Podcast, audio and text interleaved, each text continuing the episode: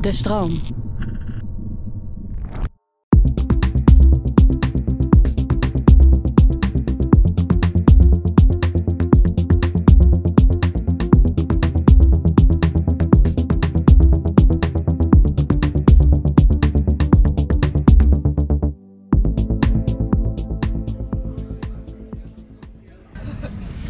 Ik zat dus op de eh verkennen pagina op eh, Instagram. En ik klikte een hondenfilmpje aan. En op een gegeven moment, eh twee uur later, toen merkte ik dat er eh, een eind zat aan die hondenfilmpjes. Eh, en dat ik die had bereikt. Dat ik mijn telefoon pak om er even gewoon een afspraak in mijn agenda te bekijken. En dat ik dan via een WhatsApp linkje in een diepe, lange YouTube fuik terechtkom. Waar ik uiteindelijk zit te kijken naar Japanse mannen die hout aan het bewerken zijn. Ik heb wel eens dat ik 's ochtends eigenlijk gewoon uit bed wil. Ja. Maar dat ik dan in één keer gewoon erachter kom dat ik al twee uur lig te scrollen.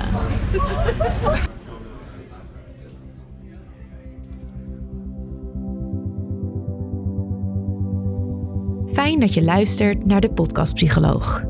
Een podcast waarin ik, Marissa van der Sluis, samen met andere psychologen in gesprek ga over belangrijke onderwerpen. Om zo met z'n allen onszelf en anderen beter te leren begrijpen. Deze aflevering gaat over verslavende technologie. Daarvoor heb ik vandaag Michiel Smit uitgenodigd. Hij verdoor zich als tiener in de wereld van gamen en schreef daar het boek Game Boy over. Inmiddels heeft hij een studie in neuroscience afgerond aan de VU. En vandaag gaan we samen proberen om de rol van games en social media vanuit de psychologische en vanuit de neurobiologische hoek te belichten. Nou, Michiel, superleuk dat je hier vandaag met mij in de studio wil zitten en eh, je verhaal eh, met mij wil delen en eh, met de rest natuurlijk. Ja, hartstikke bedankt voor de uitnodiging. Als kind begon jij met gamen omdat het gewoon leuk was, Mhm. maar jij bent je daar uiteindelijk helemaal in verloren. Ja, dat Klopt klopt. dat? Ja. Zou je daar wat over willen vertellen? Ja, nou, daar valt heel erg veel over te vertellen. Ik heb er eens een heel boek over geschreven. Maar ehm, games waren eigenlijk altijd gewoon hartstikke leuk. Van mijn vijfde toen ik een Game Boy kreeg tot mijn twaalfde toen het echt mis begon te gaan. Dus ik heb echt eigenlijk gewoon ja, zeven jaar heel veel lol gehad ergens met games. Mhm. En er was een kantelpunt en dat had heel erg veel te maken met eh, dat het leven ineens een stuk zwaarder werd. Ik ging helemaal mis eigenlijk in de brugklas. Eh, Mhm. Ik dacht toen van, wow, nu mag ik eindelijk een beetje met de volwassen wereld meedoen. Als basiscoachje dacht ik dat. En ik ging dus met heel veel ja, eh, energie vloog die brugklas in. Maar ik, ik ging daar best wel hard op mijn bek. Eh, ik was net eventjes iets te druk. En werd behoorlijk gepest eigenlijk door eh, steeds meer klasgenootjes. Hoe was dat voor jou? Nou ja, dat was heel heftig. Want het nare van pesten is, is dat je hoeft niet zo heel erg veel te doen als pestkop. Weet je, als, als gewoon maar genoeg mensen elke dag één dingetje doen, dan is het voor al die mensen valt het allemaal wel mee. Maar jij krijgt al die dingetjes bij elkaar. Dus eh, iedereen doet elke dag, nou, zegt gewoon één rotopmerking. En bij mij is dat zo makkelijk, weet je. Je hebt Michieltje, debieltje, Michieltje, homofieltje, necrofieltje, Mhm. noem maar allemaal op. Ja. Dus die hele waslijst komt dan voorbij. Ehm, en dan, ja, jij pakt al die, jij pakt de som van al die kleine prikjes elke dag. En die som is eigenlijk heel groot. Dus ja, dus dat raakt je enorm. ja, dus toen kwam ik thuis en dan voelde ik me echt heel krachteloos en ja, gewoon eigenlijk heel slecht. En toen kwam er een switch in het gamegedrag. Want daarvoor was ik aan het gamen voor de lol. Ja. Gewoon leuke games. En daarna waren games eigenlijk mijn soort van veilige haven. Want dan, dan had ik daar, huh, dan voelde ik me weer even krachtig. Oh, hier kan ik, deze wereld kan ik besturen. Deze wereld kan ik. Dat, ik bedoel, dat denk je niet bewust natuurlijk, maar dat merk je. Want je bent heel goed geworden in games. En Mhm. eh, dus je gaat dan, Ja. het werd een beetje mijn infuus voor eigenwaarde toen. En Ja. dat, dat was Daar echt, kon je krijgen wat je niet kon krijgen ja. op school. Ja, op een hele schijnmanier natuurlijk. Want in die tijd was het allemaal nog bijna offline. Online begon pas net. Dus weet je, je, je werd gevalideerd in jouw goedheid door een, een machine. Maar Mhm. toch als 12-jarige, en ik, ja, dan is dat. Dan heeft dat wel impact. Ja. En, en da- vandaar begon toen eigenlijk een hele lange reis eh, heel erg naar beneden. Eh, ik stond mijn negentiende, dus eh, ja, echt wel 40 uur per week steady aan het gamen was. Mhm. En heel veel heb opgegeven daarin. Weet je, je Want hoe heeft dat zich ontwikkeld? Want je, in het begin begon je met een Game Boy. Mhm. Hoe heeft dat zich ontwikkeld naar, naar andere dingen? Ik heb eigenlijk heel erg de standaard millennial lijn afgelegd. Waarbij je eerst een Game Boy krijgt, dan een Nintendo, een Super Nintendo. En ja, sommige mensen krijgen een PlayStation 1, 2, 3 en noem maar allemaal op. Maar het grote omslagpunt was eigenlijk toen de computer met eh, internet om de hoek kwam. Want vanaf dat moment houdt het spel eigenlijk nooit meer op. Normaal speel je een spel uit en dat is dat je een film is na een tijdje af. En zodra internet erbij komt kijken, dan ja, word je in een oneindige arena gegooid met allemaal anderen overal ter wereld. En iedereen is alleen maar bezig met beter worden en ja, wie het hoogste eindigen. Dus dat is een soort van oneindige uitdaging waar je heerlijk als gamer gewoon elk moment in kan eh, gaan duiken. Mhm. Dus toen het internet opkwam, verloor je je echt in het gamen. Mhm. Juist omdat je eindelijk een plek had gevonden binnen een groep. En ja, ook omdat je merkte dat je bijna oneindig kon groeien. Ja. Maar wat voor negatief effect had het gamen nou uiteindelijk op jou als jonge jongen? Ja, super goede vraag. ehm, want het game is eigenlijk niet het meest interessante. Daar kunnen we het allemaal meteen laten. Dat, je, dat is gewoon die dynamiek. En daar komen we straks nog wel op terug. Maar als mens, kijk, elk uur dat je na een tijdje aan het investeren bent in games, investeer je niet in je vrienden, investeer je niet in je school, niet in je band met je ouders, niet in je instrument. Want ik speelde in het begin ook nog wel gitaar en ik voetbalde en ik, ik skateboarde. En ik begon al die dingen steeds minder en minder en minder te doen. En wat er natuurlijk gewoon gebeurt, is dat de hele omgeving om je heen wordt steeds beter en beter en beter relatief aan jou.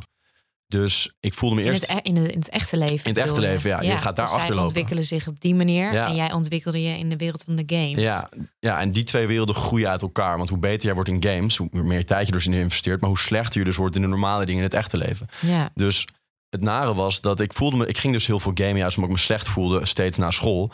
Maar vervolgens begon ik me ook slecht te voelen in de echte wereld. Want in die echte wereld, weet je, mijn vrienden konden ineens allemaal kickflips en heelflips en eh, grinden. En, en ik kon eigenlijk nog steeds maar alleen maar die- Skateboard. ja, op skateboard dan. En ik Ja. kon alleen maar een ollie. En eh, hetzelfde met voetbal, hetzelfde met gitaar. Weet je, het is, met alles werd ik steeds slechter. En het stomme was dat mijn reactie was dus niet... Oh, ik moet stoppen met games en we gaan focussen op die andere dingen. Nee, ik, die games hadden me echt al te pakken op dat moment. ja. Eh, dus mijn reactie was, oh, ik voel me slecht.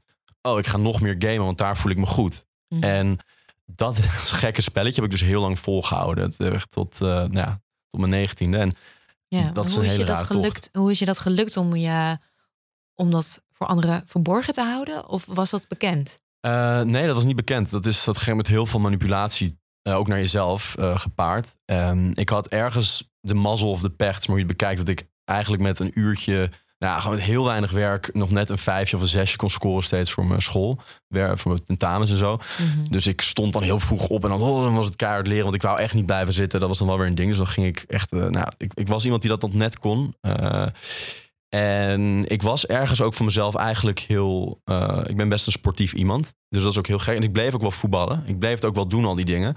Ehm, en ik, met heel weinig inzet werd ik in alles soort van heel mediocre.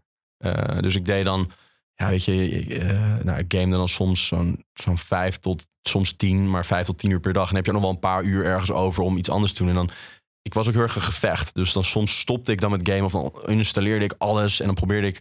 Weet je, ik, ik, vanaf mijn twaalfde voelde ik al, dit is niet goed. Dus het was heel erg een, het was niet dat ik me helemaal overgaf aan gamen. Het was echt een enorme strijd. En Ja. ik je dacht probeerde steeds- je er wel los van te rukken op bepaalde momenten, Ja. maar dat lukte niet. En bij vlagen ging je dan, dan, ja, dan ging ik ineens wel heel veel skateboarden, heel veel voetbal. En dan ging ik ook echt heel erg vooruit in die dingen. ja. Maar dan was het niet genoeg voor mij, want ik was zo gewend aan echt niet, niet, ik was niet gewoon goed in games. Ik was echt heel erg goed in veel games. Dus ik wilde ook heel erg goed zijn al die andere dingen die ik deed. Ja. Dus dat was Zo dan. is het echte leven Ja. niet. En Nee. zo is het echte leven niet. En het Nee. echte leven, dat, weet je, het kost gewoon duizend keer springen voor je op een skateboard een trucje kan. En dat ding komt honderd keer tegen je benen, dat doet pijn. En Ja. weet je, dat, dat heb je allemaal niet. In games is, het, Nee. is dat veel meer gestroomlijnd, dat progressiepad. En eh, ja. Dus die games waren heel verleidelijk voor jou. Ja. En weet je nog op welk punt je dacht, dit, nu kan het echt niet meer, nu gaat het te ver? Ehm, ja, er waren er een aantal. Eh, eentje was eh, toen ik, ik heb, eh, ik was heel erg verliefd op mijn stijldanspartner toen ik 16 was.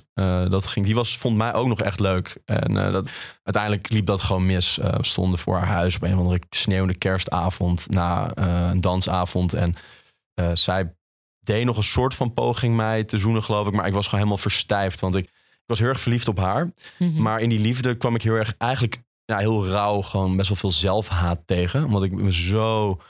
Ik had wel door hoe erg ik het leven aan het vergallen was, aan het verspelen was, heel letterlijk aan het verspelen was. Mhm. Eh, dus ik verlamde echt een beetje een soort van ja, zelfwalging. En eh, zij zag dat toen en zij deed een soort van poging om want, ja, mij iets te zoenen of zo. Maar ik, ik was helemaal stijf. Eigenlijk was helemaal. En toen liep ze weg. En ik zag, ik zie nog steeds in mijn hoofd wel weglopen naar haar huis, het eh, schuurtje om.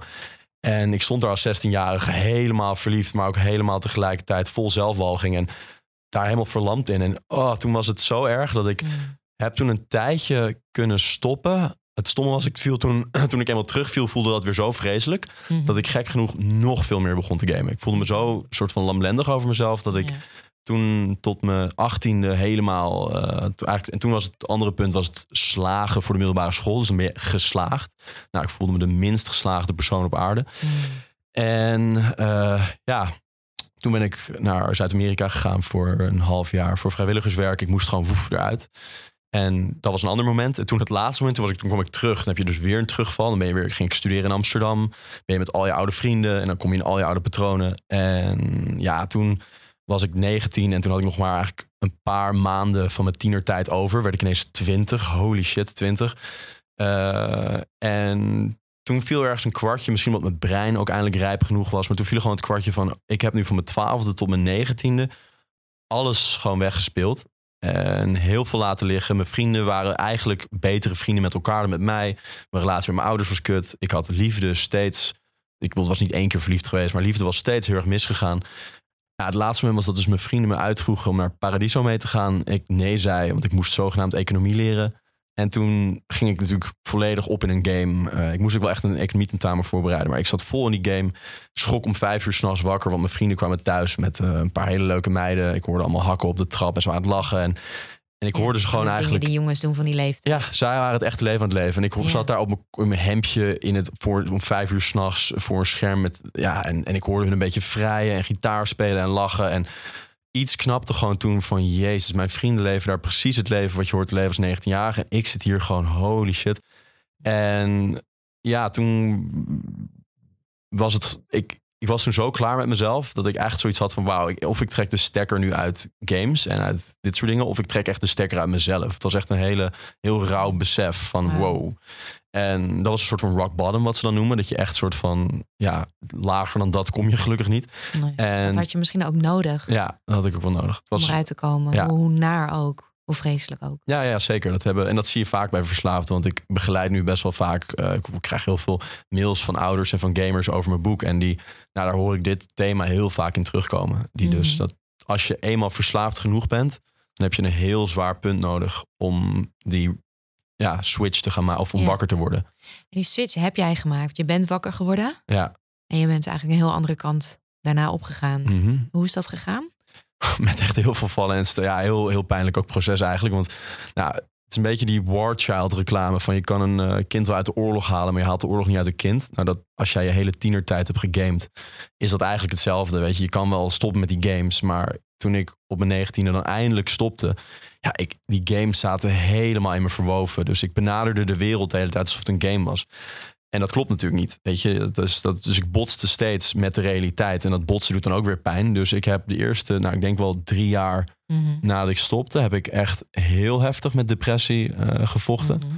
Je stoot eigenlijk continu je hoofd. Ja. Omdat je niet meer weet wat passend is Ja, in deze wereld. Klopt dat? ja, ja, en op vrij subtiele manieren. Want niemand had dat echt door. Want ik was, ik was eigenlijk best, ik weet, ik had altijd nog vrienden gehad. Ik was, ik was niet het standaard gamertje die helemaal niemand heeft. Ik, Nee. had, ik had een vriendengroep, ik deed voetbal, ik had stijldans. Ik, ik was nog wonderwaarlijk geslaagd voor mijn VWO en ik deed aan de universiteit en lalala. Dus ik was, ik had op papier was ik eigenlijk een heel normaal, ja, gewoon student in Amsterdam. Dus ja, dat valt dan niemand echt op. Iedereen denkt waarschijnlijk wel van, oh ja, een beetje, beetje gek dat kletsen met Michiel hij wel. Maar ja, ik, je, je, je merkt zelf dat je er niet aansluit. Je merkt zelf, je hebt geen idee wie de, wie de R&B en hip-hop artiesten zijn die tegenwoordig over worden gesproken. Je hebt geen idee van. Je, je loopt in alle kennisdomeinen loop je Ja. heel erg achter. Ja. Eh, dat is één ding. Een ander ding is dat je eh, games zijn een hypercompetitief omgeving. Je wil steeds winnen. Dus, maar ik beschouwde heel veel gesprekken ook als een spelletje om te winnen of zo. Alsof ik, ik moest meer slimme dingen zeggen dan de ander. Dat soort dingen. Nou, het is niet alleen maar gamers die daar last van hebben. Er zijn wel meer mensen. Maar bij mij was die invloed, het was het wel heel erg gekoppeld aan gamen. Dat ik dus heel veel interacties gewoon hypercompetitief zag. Eh, en Ja. als ik niet de beste was, dan, ja, dan was ik dus blijkbaar niet zo waardevol. En dat, want dat was ook hoe ik in games had geopereerd. Ik moest Ja. wel bovenaan staan. En vanuit jouw, eh, jouw perspectief nu, hè, vanuit je eigen ervaring, maar eh, misschien ook vanuit die neuroscience hoek. Mhm. Wat zou jij nou zeggen wat iemand kwetsbaar maakt voor ja, zo'n zo'n gameverslaving, om het maar even zo te zeggen? Ja. Ehm, ja, dat zijn er echt wel een heel aantal. Ehm, lang niet iedereen raakt verslaafd. Ik ben ook helemaal niet, dus daarom niet anti-games. Uh, al mijn vrienden gameden heel erg veel en die waren allemaal niet verslaafd. En Ja. eh, dus is, sowieso is er een genetische component. Er zijn een aantal genen die zijn gecorreleerd, maar dat, ja, daar kunnen we het over hebben. Maar dat is misschien niet het meest interessante.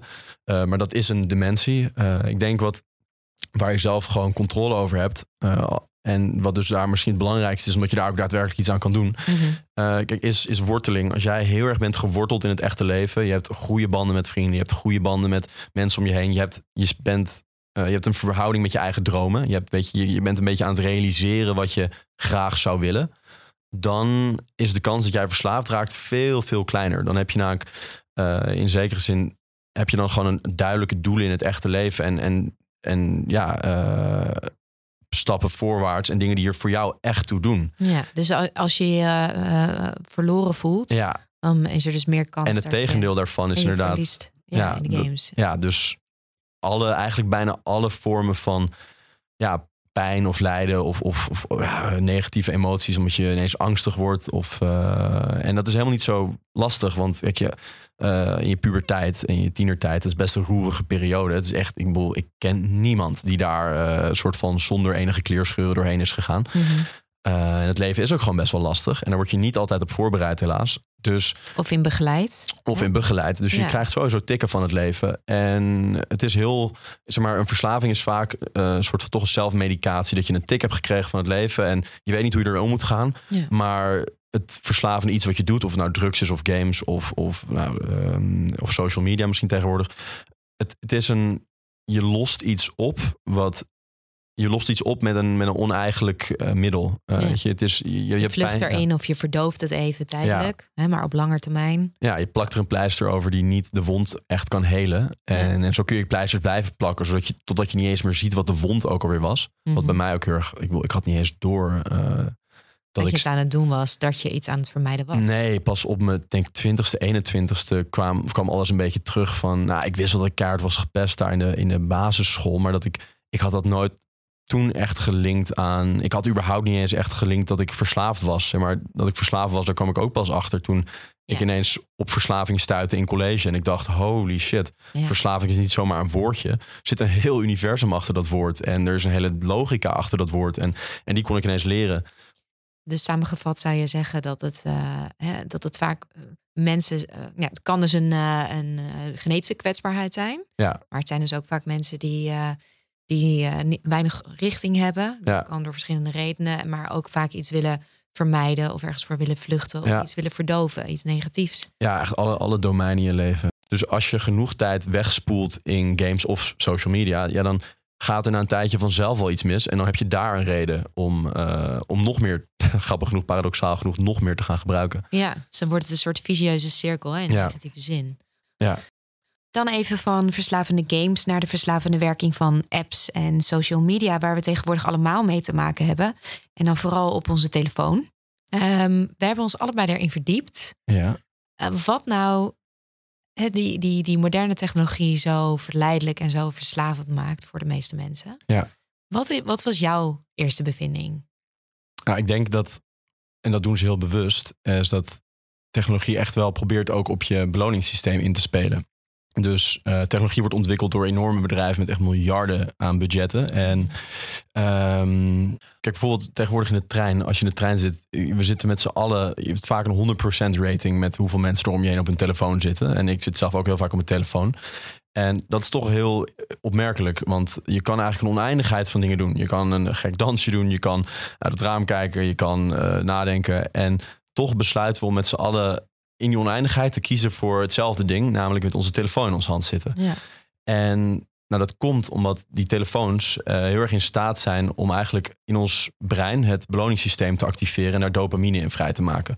En dopamine is het stofje, dat werd altijd gezien als het beloningsstofje. Nou, dat, dat ligt wat genuanceerder. Maar je kan het wel zo zien dat als jij een komkommer eet, komt er niet zoveel dopamine vrij. Als jij een chocoladedonut eet, dan woef, komt er heel veel dopamine vrij. Mhm. En dat signaal vertelt jou eigenlijk, wow, dit is echt supergoed. Hiervan wil ik meer. Ja, en het maakt instinctief zijn we veel meer, eh, willen we die chocola Ja, ja, want dat is voor onze overleving veel belangrijker. Ja. Eh, dus in zekere zin stuurt het beloningssysteem stuurt ons gedrag naar dingen die voor ons belangrijk zijn. Nou, wat voor ons als mensen helemaal belangrijk is, is gewoon sociale bevestiging. En we zijn super sociale dieren. Dus we moeten de hele tijd kijken van oké, hoe lig ik in de groep? En dus dat is ook een enorme eh, stimulerende prikkel. En die telefoons geven daar eigenlijk een oneindigheid van. Want kijk, je kan maar zoveel chocoladedonuts eten voor je helemaal kotsmisselijk wordt. Maar je kan eigenlijk niet genoeg sociale bevestiging krijgen. En ik bedoel, er zijn genoeg voorbeelden van celebrities die helemaal onderuit zijn gegaan naar gewoon een overdata sociale bevestiging. Maar dat is nu via je telefoon kun je net zo'n oneindigheid van sociale bevestiging krijgen. En je bent dus steeds dan dat systeem aan het activeren. En elke keer dat je Ja. het systeem activeert, versterkt het die paden, de soort van ja, die, die om dat gedrag, voor die dat gedrag veroorzaken. En wordt dus de kans dat jij dat gedrag opnieuw gaat vertonen, wordt weer groter. Ja, waardoor het uiteindelijk een gewoonte wordt Ja, in plaats van doelgericht gedrag. ja en, en dat laatste is super interessant. Dat zie je ook echt in het brein. Dat als mensen eenmaal iets zo vaak hebben gedaan dat het een gewoonte wordt, wordt het ook echt op een andere manier verwerkt. Buiten Ja. het bewustzijn om. Ja. Dus dan denk je er letterlijk niet eens meer over. Want het wordt in jouw brein niet eens verwerkt op een manier dat je erover na kan denken. Precies, ja. En dan vloep, en is het, ja, Ja, grappig, want het, dit komt gewoon. Ja. Dit wordt letterlijk verteld in een van de eh, vorige podcast over gewoontes veranderen. ja oh, Dat grappig. is wel interessant. Ja, en dan is nog het laatste een ander dingetje wat gebeurt, is dat na een tijdje is niet eens meer de beloning zelf, of het, hetgeen zelf, de, de bevestiging die de eh dopaminekraan aanzet, maar het is de verwachting. Eh, na een tijdje verandert, gaat je brein kijken naar, oké, wat kan voorspellen dat ik deze beloning krijg? En dan gaat het daar eh, actief van worden in het beloningssysteem. En hetgeen wat in dit domein dat steeds voorspelt, is jouw telefoon. Jouw telefoon voorspelt, is eigenlijk de grote magneet die jou zal vertellen, oh, hier wacht heel veel bevestiging op je en heel veel beloning eigenlijk. Dus Mhm. dat wordt een enorm aantrekkelijk apparaat. Ja. ja, en dat gaat je op een gegeven moment dus ook meer leiden in je gedrag. Ja, Ja, dat apparaat zelf. ja, Ja. ja. die heeft een enorme magnetische aantrekking eigenlijk binnen, jou, binnen jouw aandacht en hoe je dat van moment tot moment ja, eh, besteedt. Want het, het is er altijd en het heeft altijd, elke keer, elke minuut dat je refresh, kan er eigenlijk wel iets nieuws zou er kunnen zijn. En, eh, Ja. Je ziet dus ook dus dat mensen die eh, op een telefoon zitten ook echt een beetje lijken op hè, van die fruitautomaat verslaafden. ja. Ze hebben namelijk dezelfde soort van wazige blik in hun ogen. Ze zijn gewoon eindeloos aan het klikken. Ja. Hetzelfde als die gebruikers die maar aan het hendeltje blijven hè, trekken. Mhm. Ehm, en ze zeggen ook wel eens dat, eh, dat die, die mensen die eh, verslaafd zijn aan van die fruitautomaten, dat die op een Ja. gegeven moment in een soort zone raken. Ja. Waarbij ze als het ware versmelten met die hendel. Dus ze weten niet meer waar hun eigen lichaam begint. Waar die fruitautomaat op Ja, houdt. het is één geheel geworden. Het is één geheel geworden. En hetzelfde heb je soms met je smartphone. Ik weet niet of je dat herkent. Ja, dat is helaas wel. Ik ook. Ja. Ik heb meerdere keren gehad dat ik eh, gewoon een doel had. Dat ik thuis kwam van werk en eh, dat ik eh, wilde schoonmaken, opruimen, eten maken. En dat dan uiteindelijk mijn aandacht werd getrokken door een berichtje. Ik van een berichtje naar een site ging en van site naar site, van pagina naar pagina. En uiteindelijk anderhalf uur later soort van wakker werd. Met mijn jas nog aan, in het donker. Ik had helemaal niets gedaan. En ik stond op het punt een of andere bikini uit Hongkong af te rekenen. die ik helemaal niet nodig had. Ehm, ja, dus ik zat meer uit gewoonte te klikken en te klikken en te klikken. Ehm, puur omdat je op een gegeven moment in een loop komt. Je komt er niet meer uit. Ja. Het is gewoon die continue stroom van ja, mini-bevestigingetjes. Ja. En eh, ja, ik had gewoon mijn hele avond weggegooid. Meerdere keren. Ja. En eh, ja, dan word je wakker en dan denk je, wat ben ik aan het doen? Ja, en heb je vet veel tijd weggegooid. vet veel tijd weggooit. En het is bijna, je schaamt je ergens. Ja. Je denkt, ik ben een volwassen vrouw. Hoe kan dit? Ja. Heb jij, heb jij ook wel eens eh, een moment gehad dat je dacht, ja, nu ben ik met compleet mijn telefoon verloren. Ja, nee, zeker. Ehm, best wel, ik, heel vaak gewoon in elk onbewaakt moment dat ik met dingen bezig ben en ik weet even niet hoe ik verder moet. En hop, daar heb ik mijn telefoon alweer. Dat valt me heel erg op. Dat steeds als ik eigenlijk eventjes vastloop met wat ik eigenlijk moet doen, ik mijn telefoon pak. Ja, het is dus om ongemak weg te Om, nemen. onge ja, om het ongewak even weg te nemen. Weer even heel, en, maar dat is een super slechte gewoonte. Want het probleem is dat je moet iets oplossen. En je pakt je telefoon. Dus je aandacht is vloef, is weg. En dus steeds als ik dat doe, ben ik mezelf eigenlijk enorm aan het saboteren. Want de kans dat ik nadat ik mijn telefoon heb gepakt, het ineens wel oplos, is in heel veel gevallen gewoon eh, juist slechter geworden. Ja. Waardoor ik eigenlijk me nog wat slechter voel. En ik, nou, net als met die gameverslaving, omdat ik me slecht voel, ik nog weer meer kans heb daarna nog een keer mijn telefoon te grijpen. Mhm. Uh, wat ik heel interessant vond, was wat je zei over die fruitautomaatmachines. Want in, in fruitautomaten is natuurlijk een van de meest verslavende dingen eraan, is dat het onvoorspelbare beloningen steeds is. Je, je trekt in die hendel en je weet niet wat eruit zal komen. Ja. En nou ja, dat eh, heb je natuurlijk eigenlijk ook met eh, social media. Want wij zijn, wij bekrachtigen elkaar. Wij sturen elkaar berichtjes, wij sturen elkaar tags en allerlei andere dingen. En dat doen we op een onvoorspelbare manier. Ik stuur helemaal niet, ik, ik heel vaak op mijn telefoon op het toilet.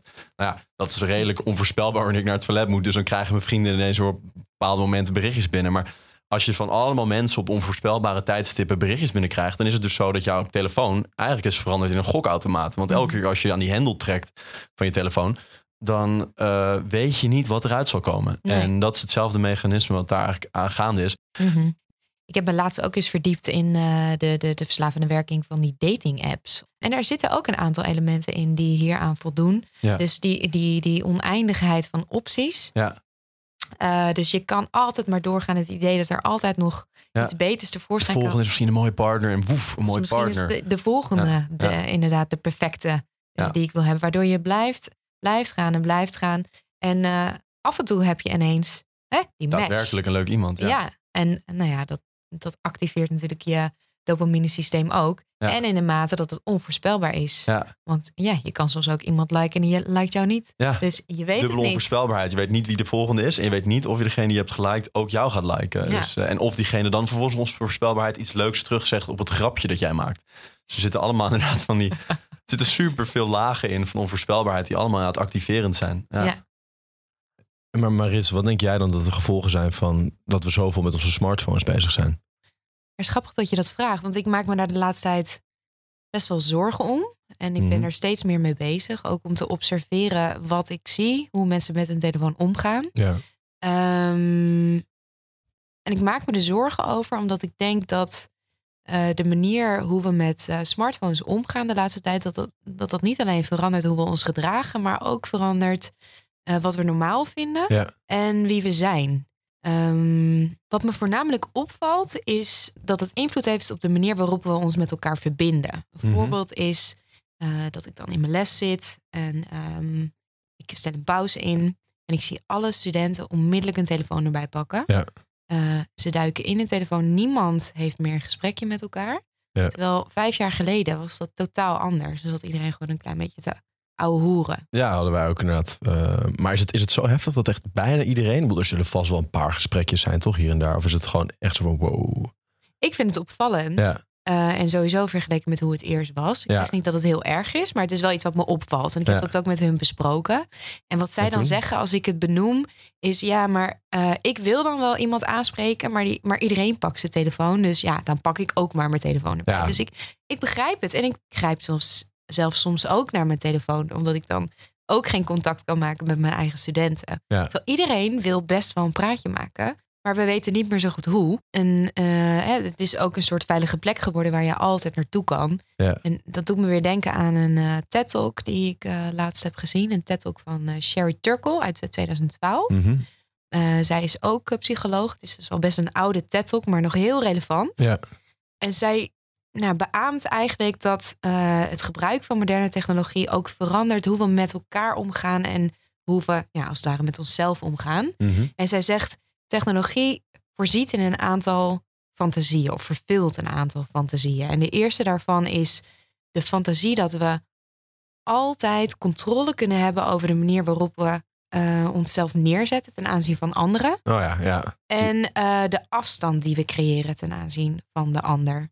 Ja, oké, dus een soort van hypermate van ja, controle over de interactie. Je wil bijvoorbeeld wel naar die ene vergadering gaan, Mhm. maar je wil bepaalde onderdelen wel je aandacht opleggen en Ja. de andere wil je niet horen. Ja, Of je wil wel die ene vriendschap, maar je wil er ook weer niet te veel in steken. ja, Ehm, en met moderne technologie is het veel makkelijker om dat te bereiken. ja. Dus je hebt veel meer controle over hè, hoe Ja, je kan steeds heel precies gewoon geven wat jij wil geven. En, ah, en wat je wil ontvangen. Ja, ja. Ja, precies. En dat, dat, dat noemt zij dus het Goldilocks effect. mhm. Dus ja niet perfecte te ver weg, situaties. niet te dichtbij. Ja, Ja. precies goed. Ja. En, ehm, en dat is heel interessant dat technologie in die behoefte Ja. voorziet. Dat is ook wel eng, want ik kan vaak helemaal niet precies voelen hoe erg ik wat ik van een ander wil vanuit mijn scherm als ik naar het scherm kijk. Terwijl als Mhm. ik met diegene ben, voel ik me ineens heel anders over die persoon. Ja, Ik heb een heel ander gevoel bij, nou bijvoorbeeld Marissa in mijn telefoon. Oh, wanneer gaan we de podcast doen dan nu als ik bij je zit? ja. En dat is ook de, de schijncontrole. Ja. Want we hebben daar niet per se meer controle over, maar we denken dat wel. Ja. Eh, en je kan natuurlijk ook eh, editen hoe je jezelf neerzet. Dus je kan dingen deleten in je gesprek. Ja, Je kan dingen aanpassen. Dus het voelt. Ik heb wel vrienden die echt eindeloos deleten. Gewoon, eh, Oh, ja. ja. Dat is heel grappig. Maar goed. Zie je dat gebeuren? Sommigen veel meer dan anderen, ja. Die, maar- Rolf is aan het typen en dan heel lang. ja, en dan weg. Of, Ja? ja, ja, ehm, ja, maar en het is grappig dat sommige mensen het veel meer doen dan anderen. Dat valt me heel erg op. Ik Ja. doe het zelf ook wel eens. Maar ja, eh, ja grappig nog denk ik nog het vaakst... eh, als je gewoon op verkeerde momenten iets aan het schrijven bent... dat je eigenlijk weet van, oh nee, ik moet nu helemaal niet... Als je gewoon op een verkeerd moment je smartphone pakt... en eigenlijk helemaal niet met je aandacht erbij zit... en dan iets stom zegt. Ja, dan, eh, dan weer hoep Ja. alles weer En weg. dan kan je het zelfs nog deleten. Ja, Toch? Be- bericht kan je weer verwijderen. En in het echt kan dat niet. Ja, je kan dan zeggen. oh sorry, dat kwam een beetje raar uit. Ja. ja. Wat ook prima Het is. echt moet je nou een grapje maken. Dat is wel grappig. Het echt, dat Ja. dwingt je dan om gewoon maar grappig te zijn. Ja, het vergt meer van je sociale skills. Ja, Eh, en, want een echt gesprek kan soms eh, heel moeizaam verlopen. Of, of een echt gesprek of een echte presentatie of een echte vergadering is soms even ja en dat zijn juist niet vaardigheden om het dan op te lossen. Ja, Precies. Weet je nog vroeger dat je als je eh, naar een vriendje of vriendinnetje ging, of ja, ja, dat, dat je dan eerst die ouders te woord moest staan. Ah ja, Jezus. Eh, hoi, is Anna thuis? Ja, Ja, of aan de telefoon. ja. En hè, dat hoeft tegenwoordig niet meer. Nee. Want jongeren kunnen elkaar gewoon rechtstreeks benaderen. En Nou, ik vraag me wel eens af wat dat doet met eh, het, eh, ja, een bepaalde ik- manier van, van een, eh, een toon aanslaan naar iemand. Hè? Dat er Ja. verschil zit tussen hoe je een ouder aanspreekt en hoe je leeftijdsgenoot Ja, grappig dat je het zegt. Ik, ik, kan me dat, ik heb er niet echt over nagedacht, maar nu je het zo zegt. Ik was een soort van stukje nederigheid zo in het begin. Van oeh, Ja. eerst even de moeder van Anna aanspreken. En daarna mag ik pas eh, vragen of Anna zin heeft om Buffy the Vampire Slayer te kijken. Precies, ja. Ja. En, en eh, een van mijn studenten die vertelde dat ze ehm, eh, ja, bijvoorbeeld moeite mee heeft om naar een callcenter te bellen of naar een of andere klantenservice te bellen om, om iets te vragen. Dat ze dat veel liever allemaal online doet, ook al Hmm. is dat veel omslachtiger, omdat ze gewoon niet iemand aan de telefoon wil hebben die ze niet kent. En dan vroeg ik aan haar, Heftig. hoe kan dat nou? Want Ja. je bent zo sociale meid. Ja. Ehm, hoe kan het dat je dat niet durft? En toen zei ze, nou dan, ik weet dan niet wat ik, wat ik kan verwachten. Ja, maar je verwacht toch gewoon service? Ik, ja, ik, ik, ik heb dit probleem niet, maar ik... eh, Nee, maar wij zijn Ja. gewend om hè, aan de telefoon te hangen. En de jongere generatie is gewend alles over eh ja oké, dus dit is, dit is een te 20-jarig meisje of zo. Ja. precies. Hm. Ehm, dus dat is het effect. Ik denk dat we met z'n allen steeds banger worden voor echte gesprekken. Ja. Echte. Dat is wel vet interessant natuurlijk, in jouw En positie, dat je hun een les geeft. Ik, ik zie niet zo heel veel twintigers, maar jij ziet ze natuurlijk dagelijks de hele tijd. Dus jij zit wat dat betreft, jouw voelsprieten daar veel dichter in. Ik heb het ze gevraagd en dit zijn de effecten. En eh, de effecten zijn ook dat, eh, dat volgens mij dat er steeds meer mensen wel online aan het connecten zijn met elkaar. Maar dat, het, dat er steeds minder tijd wordt genomen voor echte gesprekken. En het duurt even voordat iemand het achterste van zijn tong laat zien. Ja. En hè, meer kan vertellen over pijnlijke dingen en emoties. Dus ja, volgens mij worden onze echte gesprekken ge- gekaapt door eh, moderne technologie. Dus Ja. ja. ja, dat vind ik heel zorgelijk. En ik denk dat er nog een, dat er nog eh, een andere fantasie is die hè, lijkt vervuld te worden door moderne technologie, Mhm. onze smartphones. En dat is het gevoel dat we nooit alleen zijn. Ja, want die- altijd dat veld van potentie van alle anderen die op jou kunnen reageren, elk moment zomaar. Ja, en het lijkt ook iets te zijn dat als we alleen zijn, dat dat een probleem is dat moet worden opgelost. Ja, Dat als je even denkt, oeh, ik heb niemand om mee te praten, dat je onmiddellijk je telefoon erbij pakt. ja het is ook best wel een vervelende emotie om. Ja, zeker. Ik bedoel, ik vind het. Ik, ik heb een boek geschreven, dan ben je heel erg veel alleen. En ik vond alleen zijn daarvan het allerzwaarste. En ik merkte wel dat ik ook, als dat echt, echt zwaar werd, de neiging om een telefoon te pakken of om op Facebook te gaan zoveel groter werd. Maar ja, Mhm. dat doorbrak mijn hele schrijfproces. En dat vind ik dus heel zorgelijk aan die technologie. Dat het dus steeds je, je aandacht gewoon doorbreekt. Ja. Waardoor alles langer duurt. En je eigenlijk alleen nog maar langer alleen ook bent. Dat je moet toch heel veel dingen gewoon zelf doen. Weet je. je moet zelf die opleiding vaak doen. En zelf die dingen stampen. En zelf dat ene werk afmaken. En als je het maar niet afmaakt omdat je je laat afleiden door je telefoon. Ja, dan... eh, ja, dat, ik denk dus niet eens dat het afleiding is. Ik denk dat jij dan heel bewust ja, die telefoon opzoekt Ja. om uit dat moeilijke moment te komen. Ja, zeker. Je feest, je feest, ja, zeker. Je- Ja, het is nog erger dan dat inderdaad. Het is niet alleen dat het functioneel onhandig Nee, is. Het, is ook echt, je leert jou niet. niet aan. Nee, Ja. jij wil ontsnappen uit een situatie waarin het jou even moeilijk wordt. En ik, Ja. ik denk ook echt dat we daardoor steeds minder tolerantie krijgen ten aanzien van ehm, ja, het gevoel van tegenzin. Of dat, we, dat iets niet lukt. Of Ja. het gevoel van alleen zijn. En hè, dat er dus niet iemand is die in contact met jou staat. Of eh, jou kan, eh, waardering kan geven. Of bevestiging kan geven. Ja. Dat je Ja, want dat moet je ook normaal gewoon zelf doen. Maar dat is denk ik voor mij echt een eigenschap van hele vaak sterke, karaktervolle mensen. Dat ze gewoon heel goed in zelfmanagement ook zijn. Ja, maar dus ook alleen kunnen zijn, Ja, durven zijn en die momenten van zelfreflectie voor Ja. zichzelf inbouwen en niet die onmiddellijk weer vervuilen ja. met het weer in contact staan met anderen. Nou, dat is wel grappig. want Ik zie daar wel heel erg een parallel met, met toch dan games. Want ik, ik heb dan datzelfde eigenlijk gedaan, maar in die tijd dan niet met smartphones, maar gewoon steeds in een game als troost. Ja, En later zijn, eh, ik, ik heb wel gezocht naar hulp toen ik ergens 20, 21 was. Zo'n eh, een psycholoog zei toen ook al tegen me van... Goh, volgens mij heb je echt heel slecht geleerd om jezelf te troosten. En die Mm. kwam wel aan. Toen dacht ik ineens van, ja. van, oh ja, fuck. Ik, in plaats van dat ik met moeilijke gevoelens gewoon even ben gaan zitten... en die heb leren zien voor wat ze zijn... en even Ja. een plekje heb gegeven... Mhm. ben ik het steeds gaan wegspoelen met allemaal digitaal vermaak. En Ja, heeft ze goed gezien, denk ik. ja, en ik denk, jij beschrijft eigenlijk heel erg hetzelfde als dat we smartphones op een heel gelijke manier gebruiken. Ja, en ik- denk dat we dan he- heel ver afgaan van het werkelijke probleem dat er onderliggend aan ligt. Namelijk Ja. het omgaan met dingen die moeilijk zijn. Met dingen die pijnlijk zijn. En, en daar, dat, dat, daar dan kom ik weer terug op wat jij ook eerder hebt gezegd. Dat vergt aandacht. Ja. Dat vergt tijd. En ehm, zelf, ook in het contact met elkaar. Als het even moeilijk is, of als het even saai is...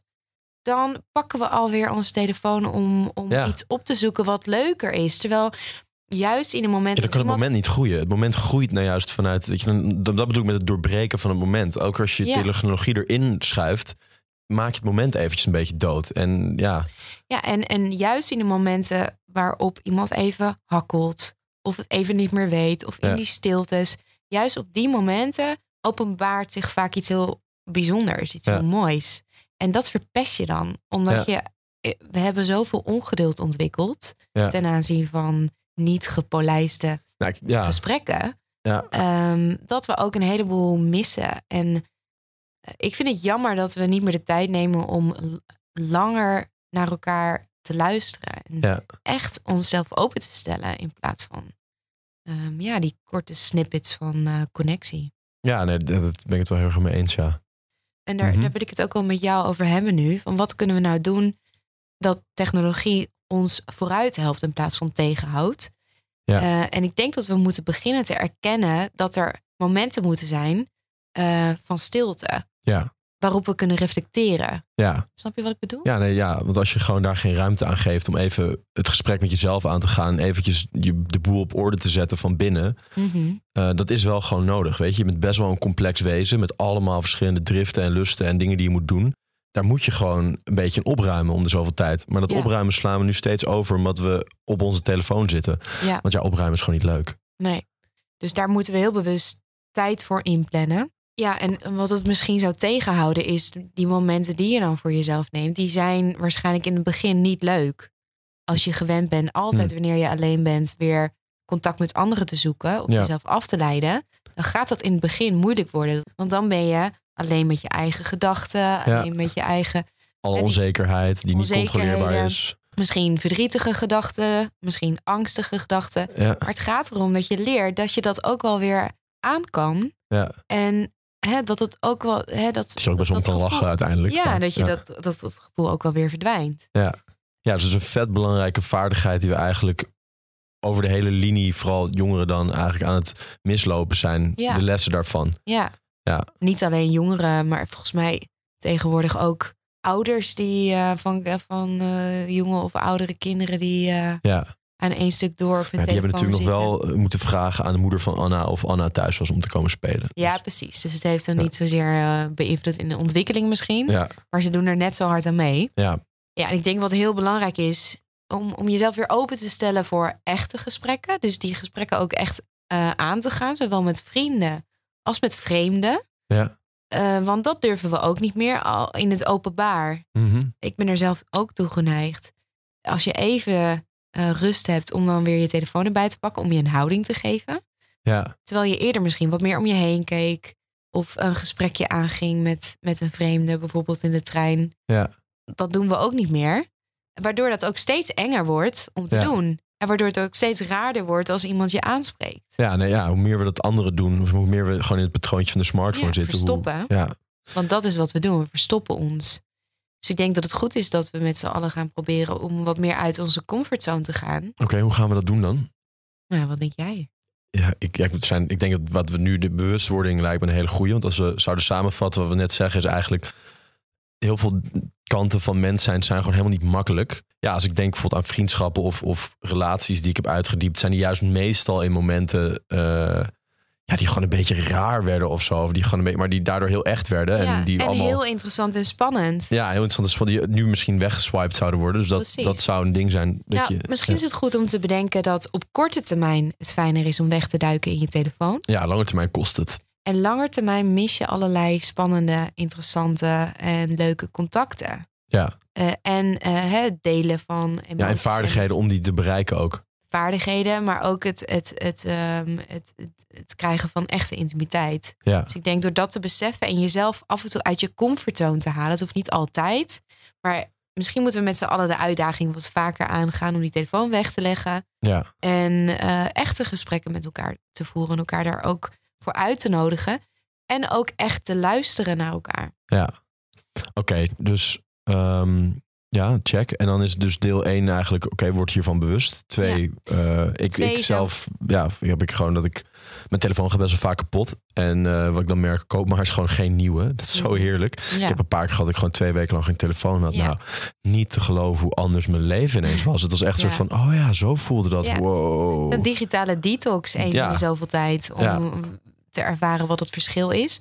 Ehm, wat ook kan, is eh, heilige ruimtes creëren Oh ja, eh, in je huis. tech-free Of- spaces, ja, of eh, eh, dat kunnen, kan dus, weet ik veel, de eetkamer zijn. slaapkamer. Of het kunnen ook je slaapkamer. Het kunnen ook tijden zijn, het moment dat je met elkaar eet. Ja. Ik heb nu toevallig met diezelfde studenten als die ik had aangesproken op hun telefoongebruik, heb ik Ja. afgesproken dat zij een telefoon in de tas laten. Kwamen ze zelf mee, omdat Ja. ze eigenlijk zeiden: dit willen wij eigenlijk ook niet. Ja, nee, tuurlijk. Wat maar het ontstaat en jij zegt er niks van. En ik zei: nee, klopt. Ja.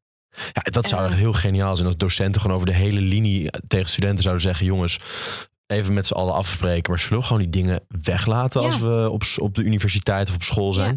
Iedereen Ja. wil het ook ergens, Ja. maar In Frankrijk hebben ze dit bij wet gedaan, hè? Ik Macron heeft het gewoon geknald. Ja, ik Ja. heb het vandaag nog gelezen. Oh, grappig. Tot en met 15 eh, mogen kinderen, geloof ik, niet op een telefoon eh, Ja. Op, op school. Ik vind het een super goede. Ik vind het ook een hele nice. eh, ik ben toch geen 15 meer. Nee, maar ik vind sowieso buiten dat vind ik het een heel goed idee. Ja, ik denk dat we daar steeds meer naartoe moeten. Naar een soort heilige tijden en heilige plekken waarop je niet eh, op je telefoon kijkt. Ja. Eh, uit een onder, er is een onderzoek gedaan naar ja, het effect van het op tafel leggen van je telefoon. Mhm. Het blijkt alleen al dat door je telefoon Aanwezigheid. Ja. op tafel te leggen, als je met elkaar aan het praten bent, dat de, dat de een relatie al als slechter wordt eh, beoordeeld. Ik zit even te kijken of jouw telefoon nu op tafel ligt. Ik, Marissa heeft geen telefoon op tafel. Ik ook niet. Ja, ook niet. Nee, we zijn heel goed bezig. ja, wat nog meer?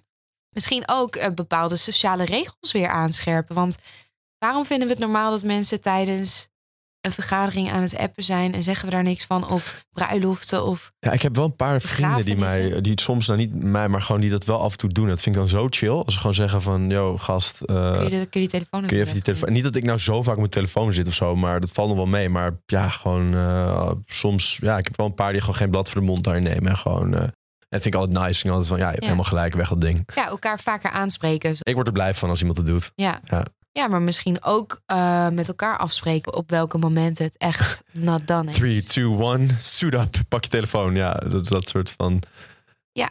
Ja, Ik heb wel gehoord dat sommige mensen als ze uit eten gaan een soort grote berg maken met telefoons. oké. Gewoon En wie als eerste zijn telefoon pakt, die moet een rondje geven. nice. Vond ik op zich wel grappig. Ja, dat kan wel werken, ja. Ja, en je hebt van die apps waarbij je in ieder geval kunt nagaan hoeveel je met je telefoon bezig bent. Om in eerste instantie zelf ervan bewust te worden Ja, hoeveel je er nou mee bezig bent. ja. Ik heb ooit dat forest gedaan, dat je zo van die boompjes aan het groeien bent. En dan wil je dat heel graag dat die boompjes, moet je, ken je dat forest? Nee. Nou, dat is een app, dan moet je boompjes planten. En zodra je het aanzet, dan gaat het boompje dood als je voor een andere reden op je telefoon gaat dan die app Forest. Maar je Oh. wilt natuurlijk dat je boompje zo groot mogelijk wordt, want dan krijg je puntjes voor. Dus dan kun je. Gamification van Ja, eh, gamification van je aandacht. Het- bewustzijn. Ik, ik heb het inmiddels niet meer, dus zo goed zal het ook weer niet werken. Maar. Heb jij nog tips?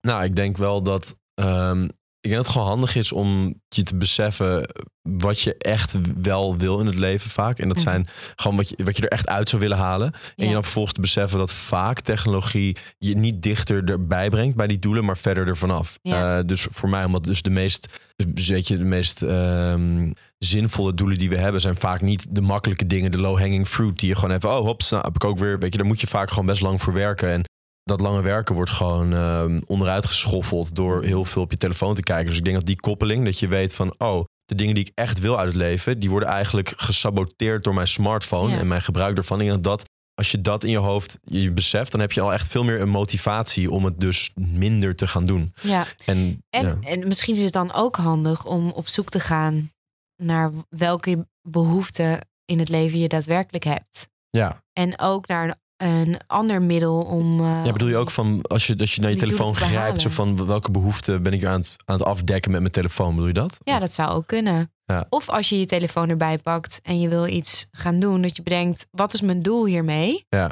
Eh, en vooraf te bedenken Ja. wat je wil bereiken. En niks anders gaat doen dan dat doel. Bijvoorbeeld, eh, weet ik veel, het is prima om op- Tinder te gaan, maar je bent naar iemand op zoek. Ja. En weet ik veel, als je twee matches hebt, dan ga je er weer af. Ja. Dus dat je vooraf ook een bepaald doel stelt, dat ook in lijn is met je langetermijndoelen. Ja. Of als je bijvoorbeeld op Instagram eh, gaat, Ja. probeer je dan van tevoren eens te bedenken of je daar ook krijgt wat je daar wil halen. Bijvoorbeeld ja, verbinding, eh, ontspanning of misschien wel eh, zelfbevestiging. En ja, vraag je dan ook af of je dat daar überhaupt kan halen. Of ja, dat je dan beter een ander middel kan gebruiken daarvoor. Ja, ja dat, dat is inderdaad wel, dat lijkt me ook handig, ja.